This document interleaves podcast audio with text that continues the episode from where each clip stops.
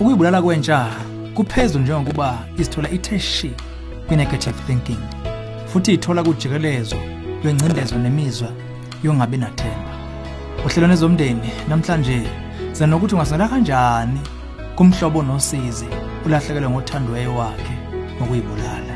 Hlala nathi.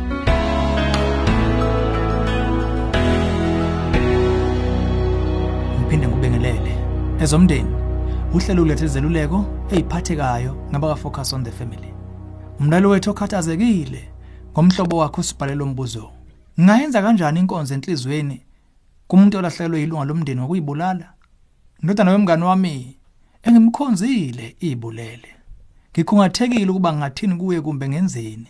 Ningangisiza?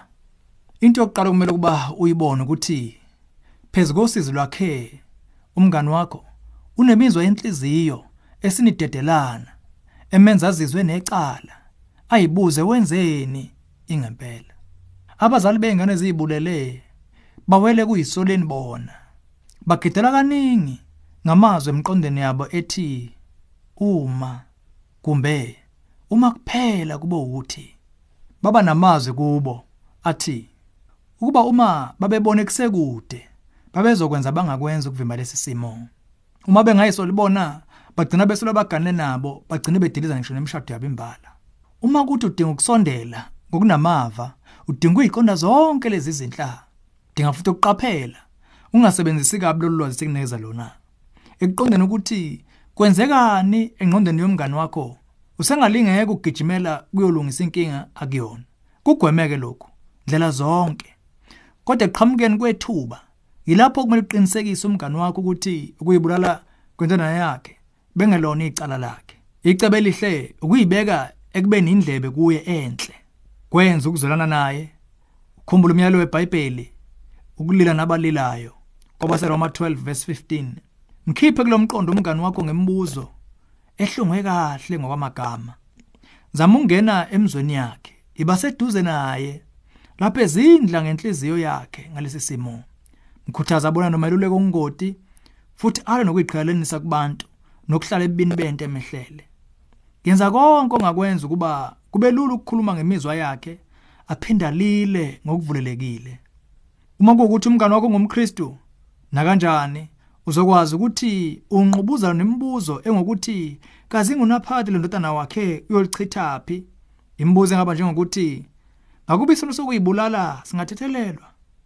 Neminye futhi imibuzo eqhubeka njalo ithi ngakuba ingane yami esezulwini noma isesihogweni odinga ukwazi ukuthi akusisi isikhathi lesi sokujula ngetheology engxoxweni naye. Ekutholeni ithuba ungamkhuthaza ngokuthi ukuyibulala akusoneze isenzo somqondo oswabulukile. Ngenxa lokho asingakubeki ngokuthi kuukuqonda ngqo engalaleleni umthetho kaNkuluNkulu. Futhi ibhalo ziqinisekisa ukuthi igazi lika Jesu linamandla ukuhlenza zonke izono. Cela ukukhuthaza ukuba ucela umngane wakhe afuna usizo kulabo asebeke bayihamba lendlela ulwesine kumbe umanyano lwamakhosikazi oselokulaba kulesi simo liyoba ngamandla amakhulu ukumqinisa. Msiza ukuba athola abaseduze abangamsiza.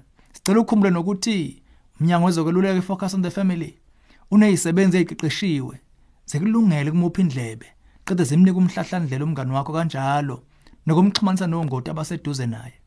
Sicela usishayele ku-031 716 3300 kumbe ungene ku-safamily.co.za bese ucofo ku-counseling link. Ekuphetheni sithanda ukwazisa kunye nabanye ngensiza e-online ebizwa ngokuthi alive to thrive.